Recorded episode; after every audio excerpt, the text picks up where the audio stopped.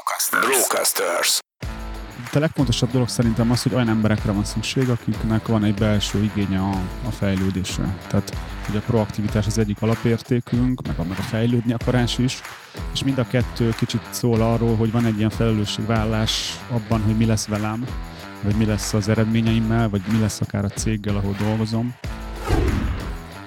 hogy tudok én egy olyan munkahely lenni, ami vonza ezeket az embereket, és, és látják rajtunk, hogy milyenek vagyunk, és itt akarunk dolgozni, és a másik, hogy hogy tudom őket kiválogatni, hogy, hogy ők is ténylegesen ilyenek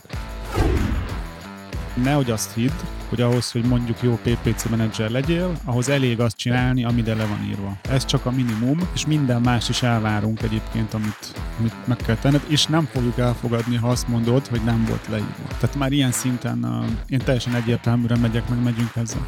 És egyébként a, a legjobb embereknek ezzel amúgy semmi baja. Ez itt a Vállalkozóból Vállalkozás Podcast Gál Kristóffal. Egy podcast mindazon vállalkozóknak, akik szüntelenül fejlesztik magukat, és így a vállalkozásukat is.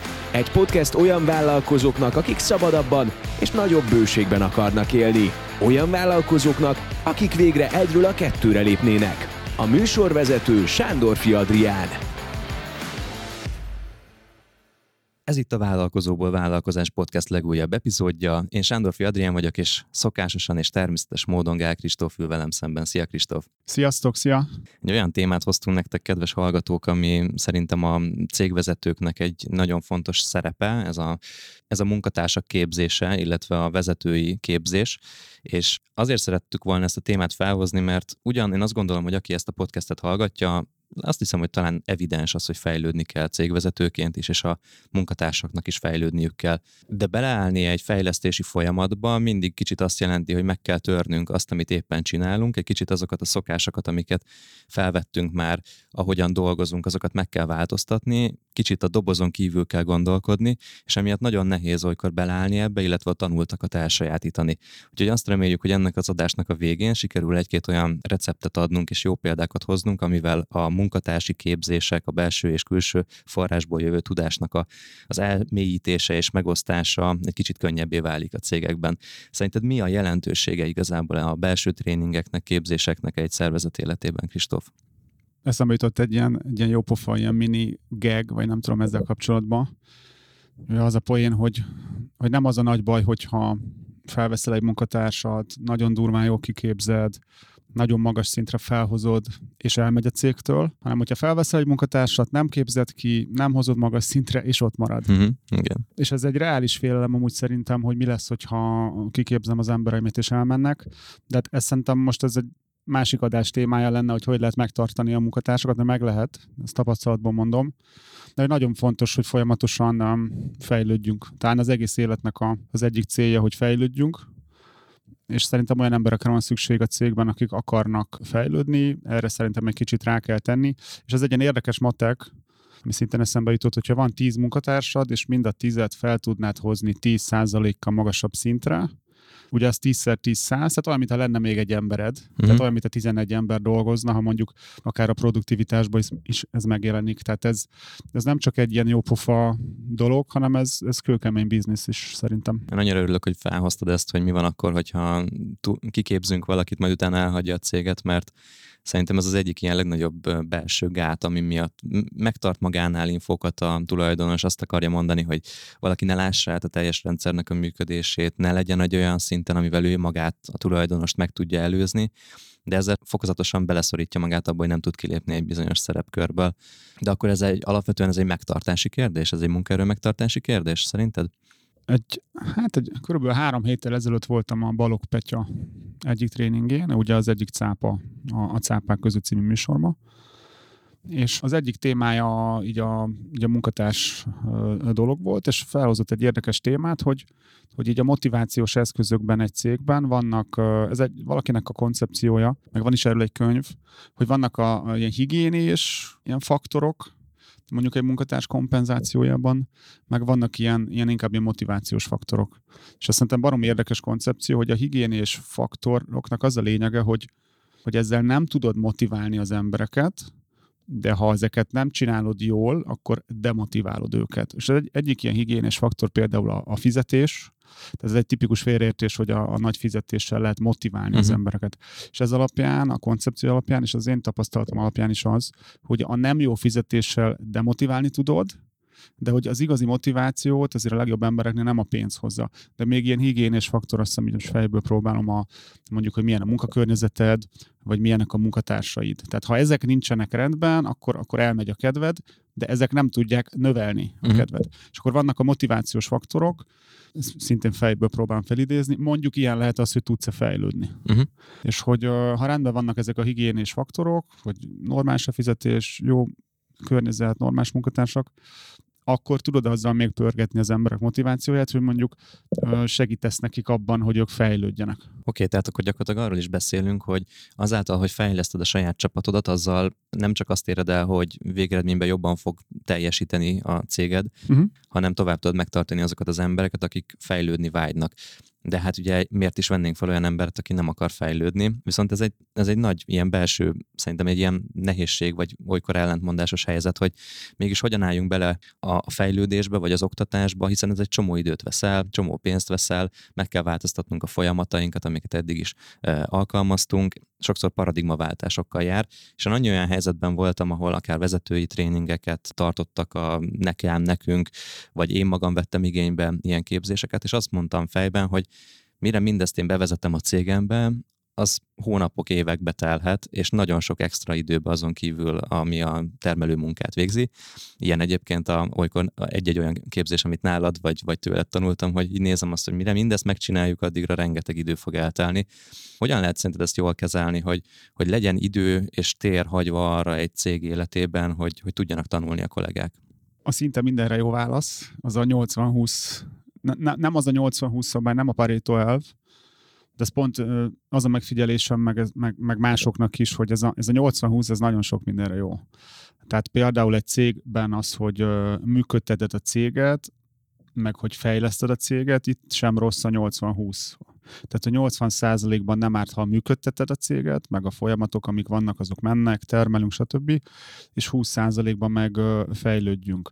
Hogyha 20%-nál kevesebb a fejlődés, akkor az úgy már szinte nem is fejlődés, de hogyha 20-nál sokkal magasabb a fejlődés, akkor ugye a működés lecsökken, és mondjuk egy valamennyire beállt cégnél ez általában nem egészséges. Nyilván, ha új a céged, akkor ez lehet, hogy pont fordítva van, tehát hogy 80%-ba folyamatosan fejlesztünk, mert annyira újak vagyunk, de hogy ha egy már valamennyire működő cégnél, ez egy érdekes ilyen ökölszabály szerintem, hogy 80-20. Tehát, hogy mondjuk, és ez pont úgy jön ki, hogyha 5 napos egy munkahét, már pedig 5, mondjuk négy napig dolgozunk, tehát úgymond dolgozunk, egy napig fejlődünk, vagy ha 8 órás mondjuk egy munkanap, akkor mit tudom én, egy-két órát fejlődünk, a többit meg, meg működtetjük a meglévő dolgokat. De ez reális szerinted egy, egy legtöbb magyar, akár kisvállalkozásnál megengedhető az, hogy 20%-ot valaki arra fordítson a csapat életéből, hogy oktasson, tanuljon, fejlődjön, rendszereket építsen? Kicsit erős volt nekem, amikor azt mondtad, hogy, hogy öt, öt napból egy erre menne el.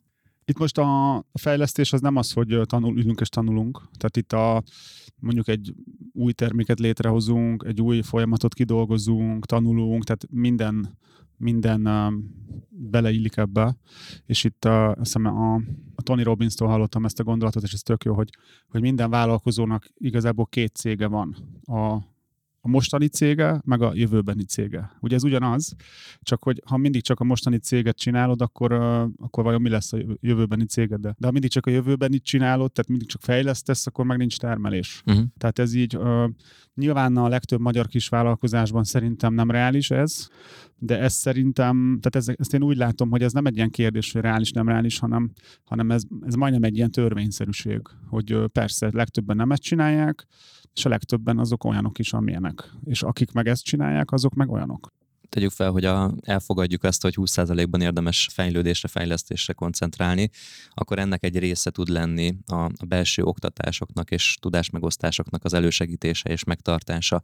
Nálatok ez hogy működik? Hogyan, hogyan cirkulál az információ, az újfajta tudás a ti szervezetetekben? Hogyan adjátok át egymásnak a, a, legjobb tapasztalatokat?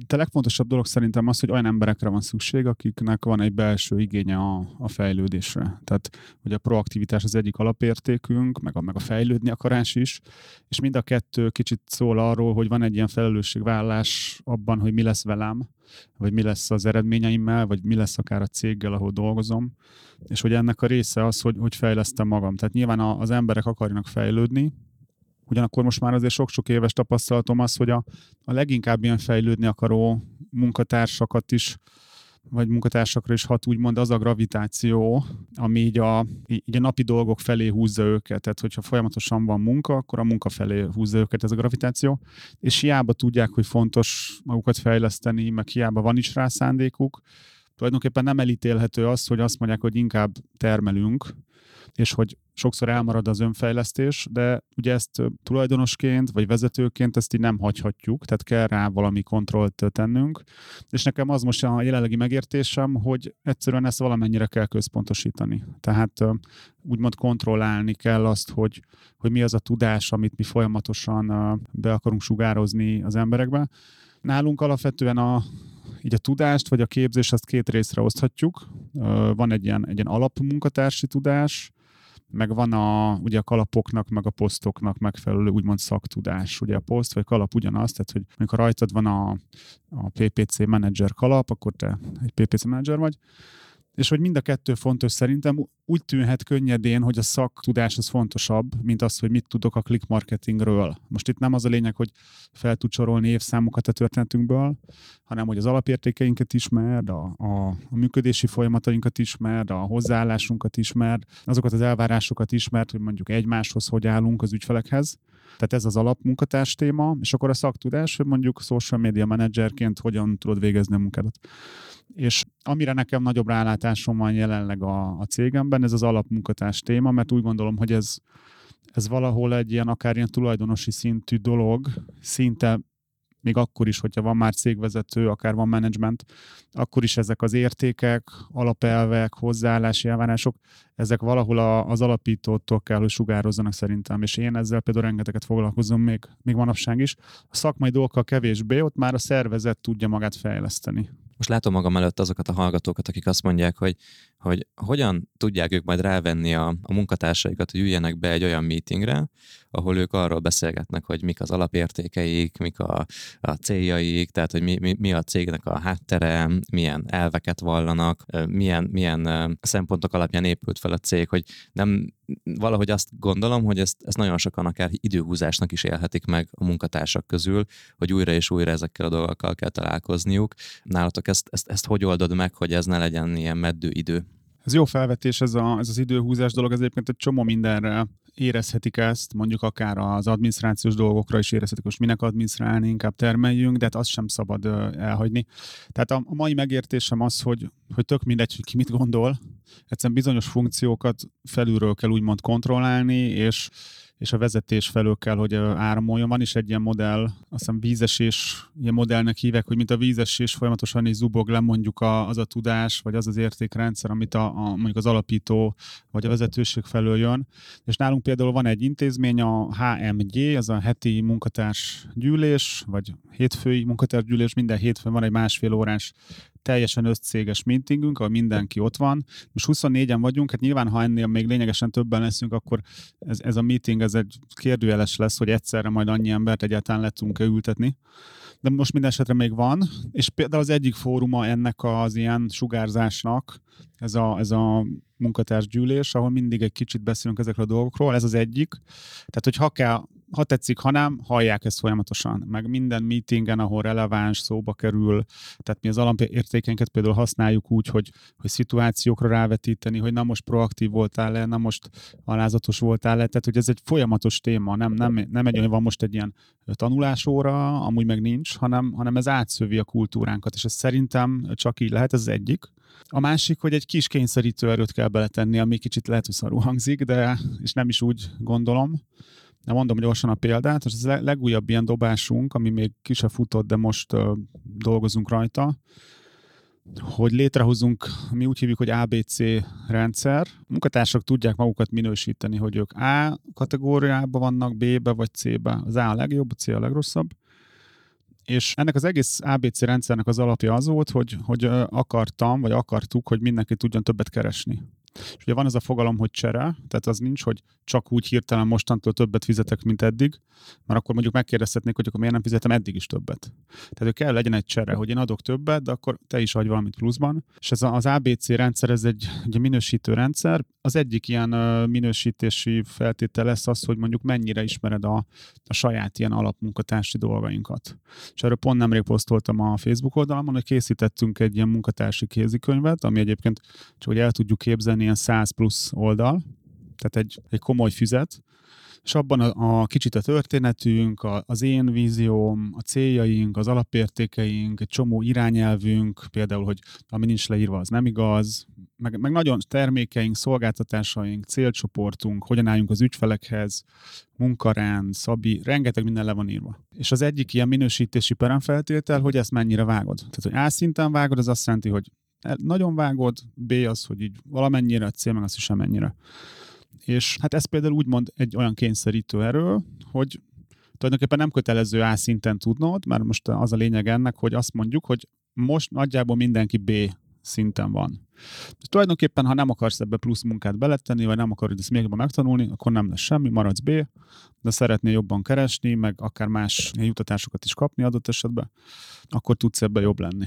Tehát, hogy ez egy olyan úgymond kényszerítő, hogy nem egy ilyen büntetés, hanem hanem inkább egy ilyen jutalmazásba csomagolt valami. Ezt én nagyon büszke vagyok erre, hogy ezt kitaláltuk. Nyilván nem mi találtuk ki, multiktól lestük el, stb. De hogy ez ez egy tök jó ilyen dolog például. Akkor ezen kicsit át is evezhetünk szerintem a szakmai képzés oldalra is, mivel nekem az a feltételezésem, hogy ha olyan emberekkel veszed körbe magad, akik akarnak fejlődni, akkor bennük is felmerült az a kérdés, hogy ők szakmailag fejlesztik magukat, akkor tudnak-e többet keresni, nagyobb felelősséggel dolgozni a szervezetben, pozíciót lépni előre, komplexebben dolgozni, vagy az ő saját életüket megkönnyíteni.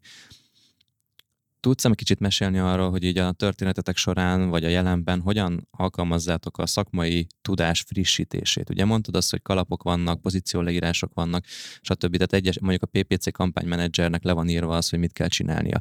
De ez tipikusan egy olyan szakma, ami fél évente nagyon sokat tud változni, bejön egy, egy új szabályozás, és meg kell tanulni azt a, az egyes kampánymenedzsereknek, ami megváltozott. Ezeket a fajta ilyen kemény szakmai dolgokat hogyan tudod biztosítani, hogy végig végigmenjen a szervezeteteken.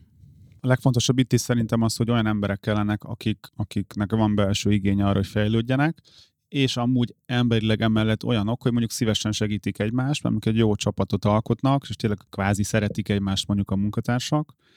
És én azt látom, hogy az a dolgunk szerintem vezetőként, hogy olyan keretrendszereket biztosítsunk, amibe betéve a legjobb embereket, ez így elkezd élni.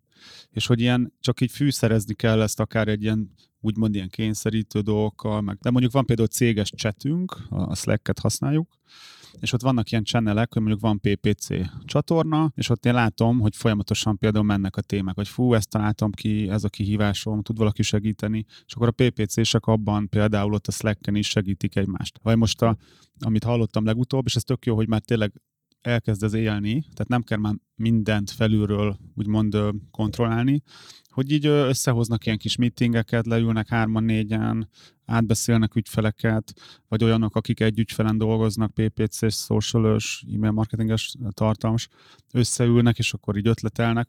Tehát, hogy elkezdett ez így élni, de hát ehhez az kell, hogy a kultúránknak az legyen a része, hogy mondjuk a kedvesség, ez egy alapértékünk, hogy segítsünk egymásnak, meg a fejlődni akarás, meg, meg hogy tényleg jó a csapat, és erre figyelünk is, nem hagyjuk, hogy mondjuk olyan emberek legyenek köztünk, akik ezt mondjuk így rombolnák, vagy ilyesmi.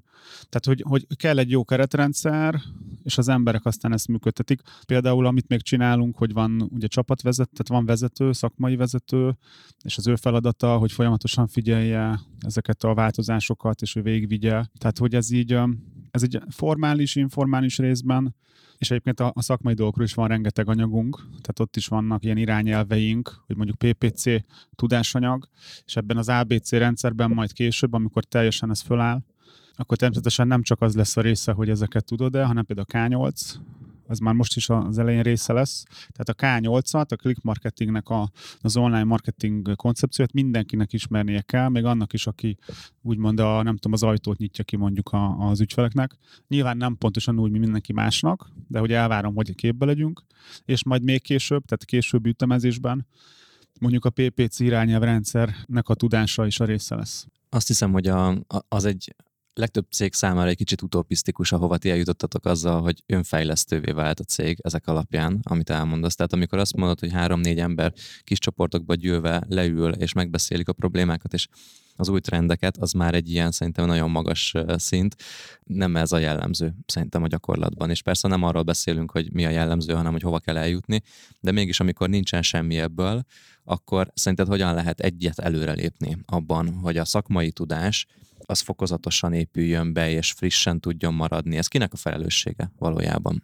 Van az, hogy 100% felelősség, vagy a 100% felelősség elve, ezt mi, ezt két dologra szoktam használni. Az egyik, hogy, hogy hát, végülis ugyanaz a kettő, hogy százszerzelékosan felelős vagyok azért, hogy mi történik velem, mi történik az ügyfeleimmel, mi van a cégemmel, de hogy ez a száz százalék, ez nem olyan, hogyha ketten vagyunk, te meg én, akkor 50-50, hanem 100-100.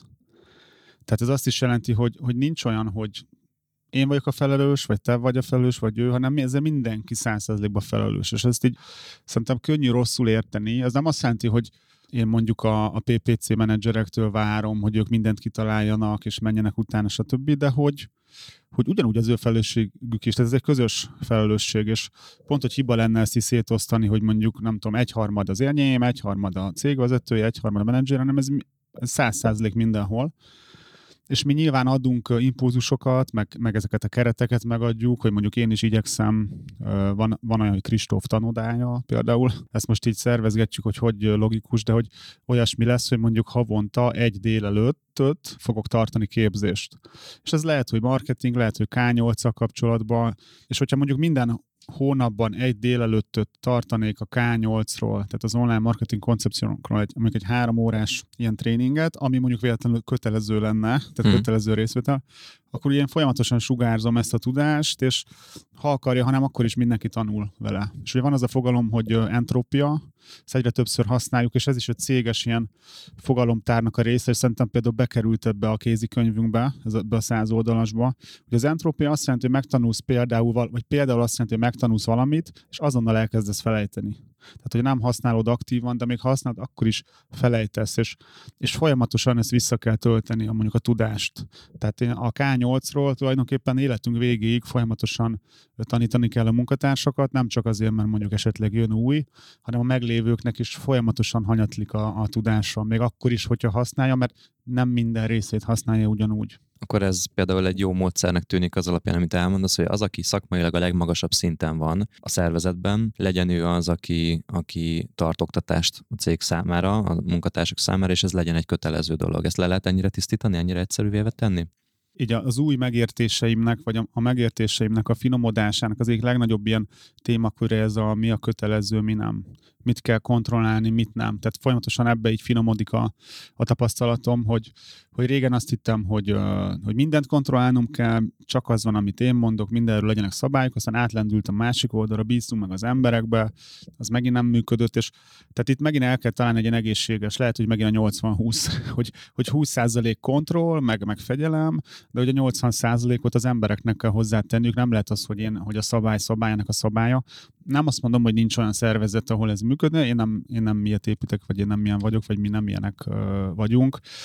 Tehát mindenféleképpen kell egy ilyen vezetői irányadás ennek az egésznek. Az, hogy a legnagyobb tudású legyen az, aki kötelezően oktat, az, az szerintem nem biztos, mert lehet, hogy nincs olyan oktatási képessége, lehet, hogy nem tudja jól elmondani. Tehát ez is egy érdekes, hogy, a, hogy mondjuk ha jóval kevesebbet tudsz, mint más, de jóval jobban tudod átadni, akkor lehet, hogy ez a jobb. Most nyilván ennek van egy szintje, hogyha semmit nem tudsz, az gáz, de hogyha egész jó vagy, viszont baromi jól tudod átadni, az lehet, hogy összességében jobb, mint hogy te vagy a legokosabb, a legnagyobb tudású, de nem tud egyszerűen átadni. Tehát emiatt igazából nem árt, hogyha, tehát nekem, hát szerencsém van, vagy nem tudom, tehát nekem az a szerencsém, hogy, hogy szerintem én nagyon jól tudok tanítani. Tehát nagyon jól tudom megosztani a tudást, átadni hatásosan, és cégvezetőként szerintem egy kis vállalkozásban ez, ez baromi fontos, mert ezt tehát nem életszerű, hogy ez bárki helyette csinálja. Tehát, hogyha valaki cégvezető, vagy céget akar építeni, és borzasztó gyenge ebben, tehát, hogy nem jó előadó, nem jól beszél, nem jól ír, nem is szereti, akkor ebbe szerintem muszáj magát fejlesztenie, mert mi most már eljutottunk egy olyan szintre, hogy valamennyire tud a szervezet magától fejlődni, tehát most is talán a legtöbb oktatást úgymond Szerintem én tartom. Lehet, hogy nem úgy, hogy most előadást tartok, hanem egy az egyben akár folyamatosan mentorálom a többieket, és ebben jónak kell szerintem lenni. Szerintem akkor kicsit menjünk el arra az évre, hogy hogyan veszed magad körül olyan emberekkel, akik fejlődni akarnak és tanulni akarnak, mert azért nem egy olyan nagy munkatársi képzésem voltam így az életem során, ahol, ahol így az egész levegőt átszőtte, hogy kényszerből vannak ott az emberek, és hogy mennének már vissza megcsinálni az adminisztrációt, a feladataikat, és úgy érzik, hogy ez egy tényleg egy időhúzás, hogy végig kell hallgatni egy három-négy órás képzést, amire azt mondják, hogy nem is lesz része az életemnek. De te azt mondtad például, hogy az, aki idézőjelesen, aki kinyitja az ajtót, még annak is tudnia kell, hogy mi az a K8 nálatok, holott lehet, hogy valójában sose fogja használni a hétköznapi munkájában. Hogyan kell szerinted akár egy interjú folyamatban, egy felvételi folyamatban biztosítani azt, hogy megtaláljátok azokat az embereket, akik fejlődni akarnak, és képesek ezeket a képzéseket önmagukért pozitívan felfogni, hogy az értük van, és őket szolgálja. Szerintem ez egy nagyon fontos téma, hogy hogy találunk ilyen embert, és mindjárt erre reagálok is, de hogy melléke szerintem, tehát hogy legyen olyan az ember, akinek van erre belső igénye, egy, ilyen, akár egy igényessége, vagy egy nem tudom, egy fejlődni akarása, de hogy szerintem az is fontos, hogy, hogy meg tudjuk mutatni, ha valaki ezt nem látja magától, ez reálisan nem látja magától, hogy ez hogyan hat úgy a munkájára, meg az életére, hogy ennek tényleg van haszna. Tehát, hogy mondjuk, hogy a, a menedzsereinknek, aki ugye lehet PPC menedzser, social media, email marketing, vagy mondjuk blog menedzser, hogy az miért jó neki, hogyha a K8-at, ezt a, a marketing stratégiát baromira jól ismeri. És hogyha meg tudom neki mutatni, hogy az, azért jó ez neked, mert sokkal jobban fogod tudni kezelni az ügyfeleidet, sokkal jobban uh, szakértőként fogsz tudni megjelenni a szemükbe, sokkal jobban fognak rád hallgatni, egyszerűen jobb munkát fogsz tudni végezni, mert érted, hogy a többiek mit csinálnak, még az összefüggések. Ezáltal lehet, hogy több ügyfelet fogsz tudni kezelni, ezáltal többet tudsz keresni, ezáltal stb. stb. Mert hogyha és ezt én folyamatosan így, így challenge magam, meg, meg a többieket, tehát a vezetőknek is mindig mondom, hogy ha nem tudjuk megmondani, hogy ennek mi értelme van, hanem csak ilyen, ilyen öncélúan, csak magunkért, mert jaj, de jó lenne, ha valaki ezt vagy azt tudná, akkor inkább ne csináljuk. Tehát, hogy meg kell tudnunk mutatni, hogy, hogy akár ez ügyfél értékben hol, hol fog kijönni, hogy mondjuk a, az ajtónyitónk ismeri valamennyire a K8-at. És egyébként szerintem úgy éri meg, hogy legalábbis én olyan céget akarok építeni, és van ez a szintje, hogy nem érdekel, hogy megéri-e teljesen, hogy ez nem fordulhat elő, hogy van egy click marketinges munkatárs, akárhol, mondjuk nem is munkakörnyezetben, és hogy, hogy valaki megkérdezi valamiről, és mondjuk egy külsős, mondjuk lényegesen többet tudjon valamiről, ami a mi dolgunk, mint ő. Szerintem az tök ciki lenne, és hogy én, én olyan emberekkel akarok dolgozni, akik ezt szintén cikinek érzik, úgymond, és van, van egy ilyen belső igényük, és akár büszkék arra, hogy nagy a tudásuk, mert amúgy szerintem lehetnek is rá büszke. Nyilván a legtöbb ember szerintem nem ilyen, de hogy én nem a legtöbb emberrel akarok dolgozni és hogyan találod meg ezeket az embereket, hogyan fogod magadhoz vonzani őket, és hogyan tudod egy, egy rövid impulzus alapján, vagy néhány impulzus alapján ezt százszerzalék biztonsággal felmérni, hogy valakiben megvannak ezek az igények? Ezt két részre választanám. Az egyik, hogy hogy tudok én egy olyan munkahely lenni, ami vonza ezeket az embereket, és, és látják rajtunk, hogy milyenek vagyunk, és itt akarunk dolgozni, és a másik, hogy hogy tudom őket kiválogatni, hogy, hogy ők is ténylegesen ilyenek. És a, hát az, első, hogy olyan munkahely legyünk, ebben nyilván baromi sok munka van, lassan több évtizedes munka, de szűken mérve is mondjuk pár éves. Az, az igazság, hogy a legtöbb cég nem olyan, mint mi. Nem foglalkoznak ezzel, nem fontos, nincs olyan kultúra, stb a legtöbb ember nem olyan, mint mi. Tehát a legtöbb munkavállalónak erre tökre nincs igénye. Tehát van a munkavállalóknak egy kisebb része, akinek ez tök fontos, meg a cégeknek egy kisebb része, akiknek ez tök fontos. És ugye a, a két kör hogy találja meg egymást.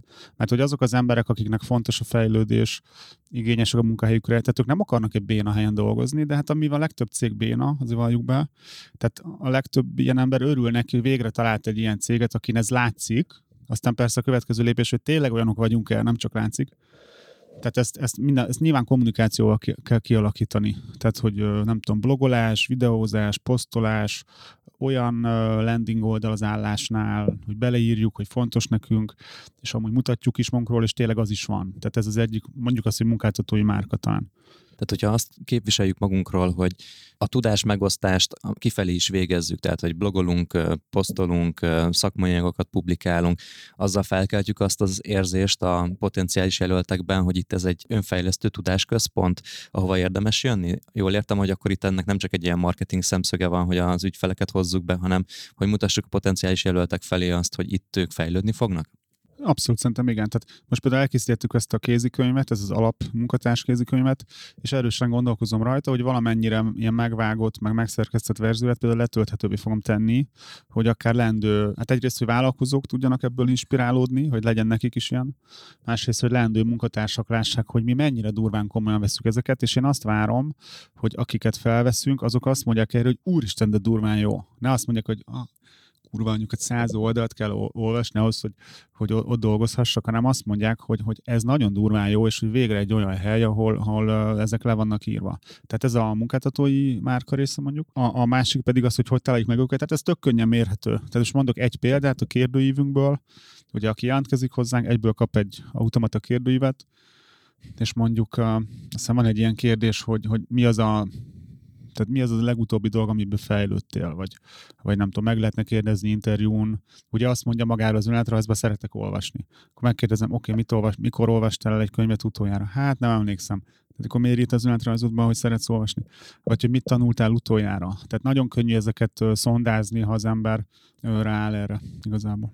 Hogy szintén a kisvállalkozók hangja legyek, a fejben motoszkáló kis ördög, hagyd tegyem fel azt a kérdést, hogy mi van egy olyan helyzetben, ahol nagyon erőteljesen munkaerőhiányos egy piac, ahol tíz körömmel kell nyúlni a munkatársak irányába, speciális terület, gyorsan váltanak a munkatársak akár, vagy pedig nehéz megszerezni ezeket a jó embereket, és viszont a munkát még el kell végezni, és emiatt akár azt is lehet néha olykor mondani, hogy csak jöjjön, jöjjön a munkaerő, jöjjön, legyen erőforrás, hogy el tudjuk végezni a munkánkat, és akkor ilyenkor csúszunk bele abba sokszor, hogy elengedjük ezeket a szempontokat. Tehát egy olyan helyzetben, ahol, ahol nagyon súlyos munkaerőhiányok tudnak felmerülni, ott ezt, ezt hogyan lehet szerinted életre hívni?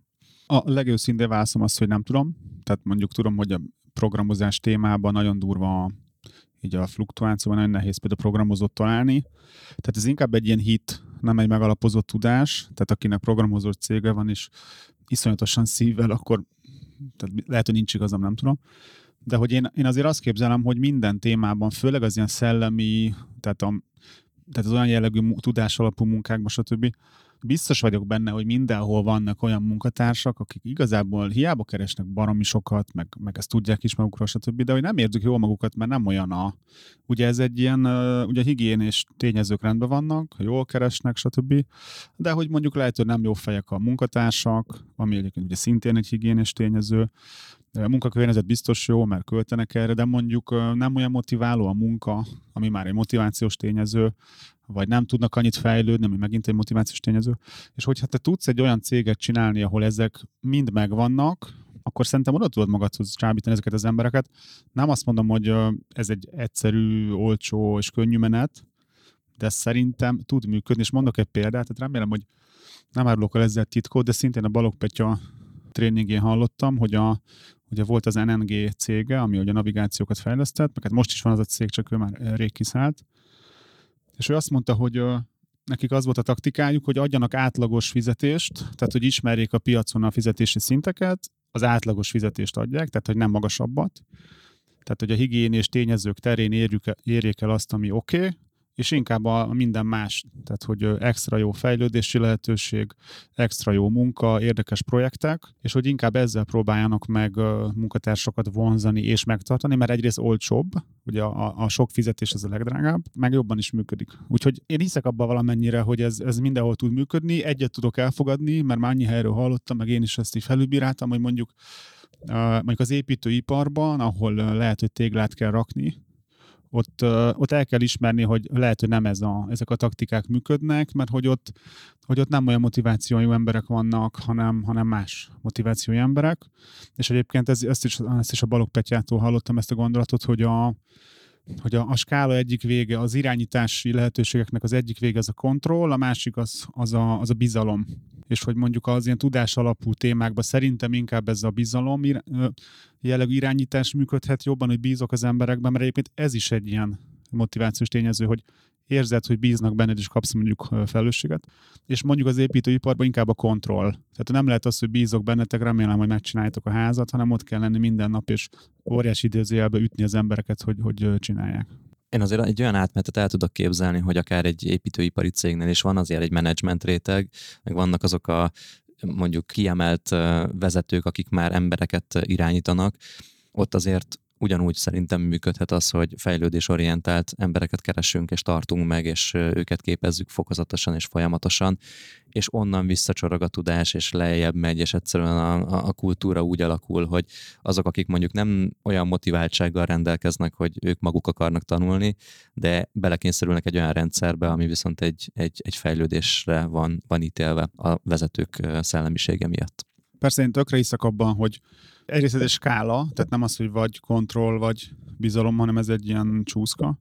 A másik, hogy szerintem minden témában van a, a felső 10%, az alsó 10%, tehát a, a fizikai munkában is nyilván van, vannak azok az emberek, akik sokkal igényesebbek, sokkal jobban gondolkoznak, de, de lehet, hogy a, hogy, hogy nem ér össze bizonyos területek, tehát hogy, hogy nem ugyanazok működnek, és ez tökre rendben van szerintem. Akkor viszont beszéljünk szerintem a jéghegy csúcsáról, a tulajdonosról, az ügyvezetőről, akiről azt mondjuk, hogy ha ő komoly fejlődési vágyal rendelkezik, és ezt a folyamatosan megszerzett új tudást le tudja vízesésszerűen csöpögtetni a szervezetére, akkor az egy folyamatosan fejlődő szervezet lesz. Na de hogyan és honnan tanuljon a cégvezető, a, a tulajdonos, akinek gyakorlatilag olyan tudást kell megszerezni, ami sokszor nem is feltétlenül létezik, vagy nem könnyen hozzáférhető tudás. Az egyik, amit mondani akartam, és az jó, hogy újra felmerült, hogy, hogy a példamutatás szerintem brutál fontos. Ugye minden másba is, de, de ebbe a fejlődésben, a tanulásba különösen. Tehát, tehát én hiába mondanám, hogy fejlődni akarás az az alapértékünk, meg hogy tanuljatok, fejlődjetek, ha azt látnák, hogy ilyen soha nem csak semmit.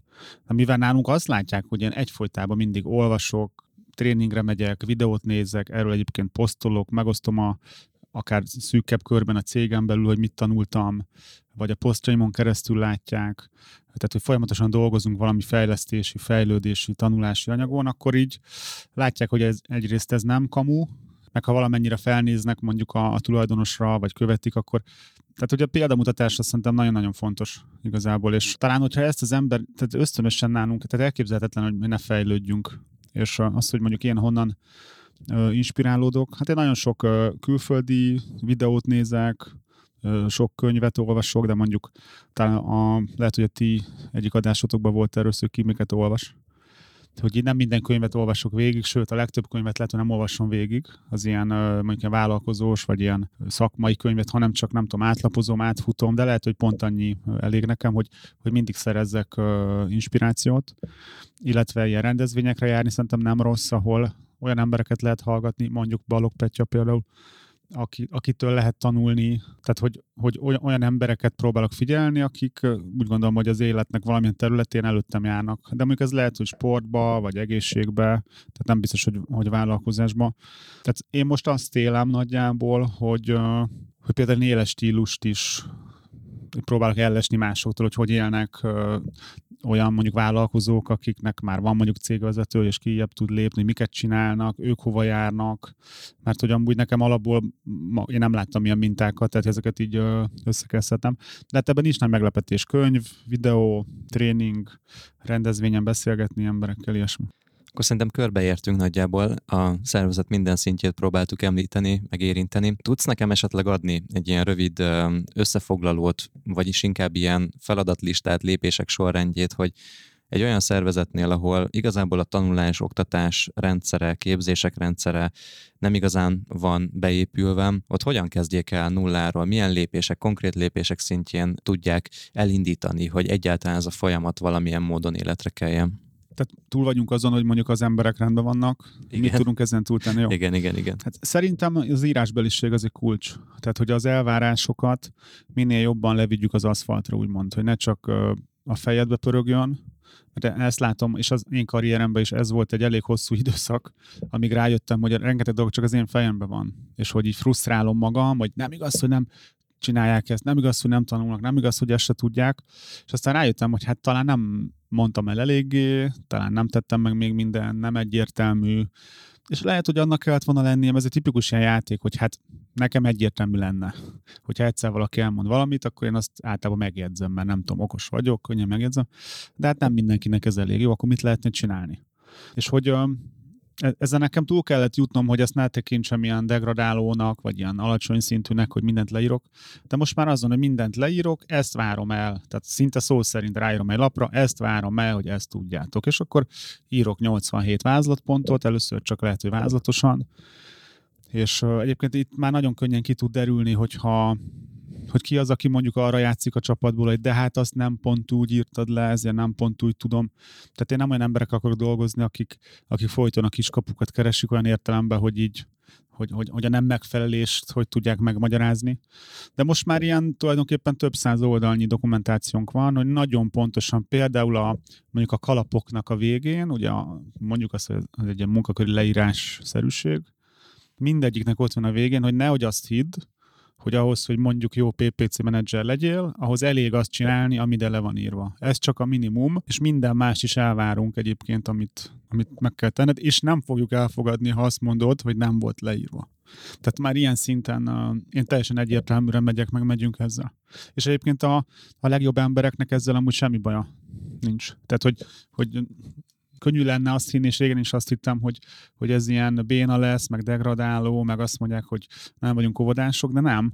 Tehát a legjobb emberek, akikkel nem tudom, valaha dolgoztam, akik most vannak a csapatunkban, és tényleg átlag feletti teljesítmény, azoknak tök normális, meg kvázi örülnek, hogy végre meg van fogalmazva, hogy mi az elvárás, hogy mondjuk mit kell tudni. Lehet, hogy maceranak nekik, lehet, hogy, hogy önszántukból egy kicsit ilyen minimálisan azt mondják, hogy ja, de végül mindenki látja, hogy ez jó. Tehát az a, alapvetően azt mondod, hogy akinél semmilyen formában nem működik még a, a belső tudás megosztás, az kezdje azzal, hogy írja le azt, ami a fejében van, és amit elvár a munkatársaitól. Igen.